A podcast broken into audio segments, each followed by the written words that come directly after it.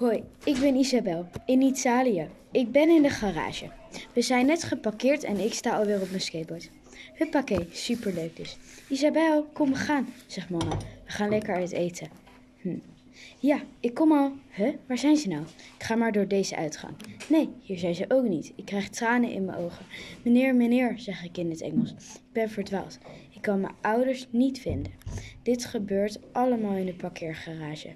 Hij geeft zijn telefoon aan mij. Ik voel, ik voel, ik voer het nummer in en bellen maar. Ja, daar is papa. We waren, ze waren bang dat ik geontvoerd was. Eerst gingen we naar de McDonald's. Ik had daar een paar frietjes op. En toen gingen we echt eten. Eerst wachten en eten dan. En eten en daarna weer lekker skateboarden. Bam, daar viel ik. Op mijn knie. Het bloedde als een gek. Nou ja, boeien. Ik ga gewoon weer lekker verder.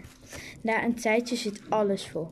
Mijn skateboard, mijn schoen, mijn been en de grond. En ja hoor, mama is weer bezorgd. Papa zei, dankjewel tegen de meneer.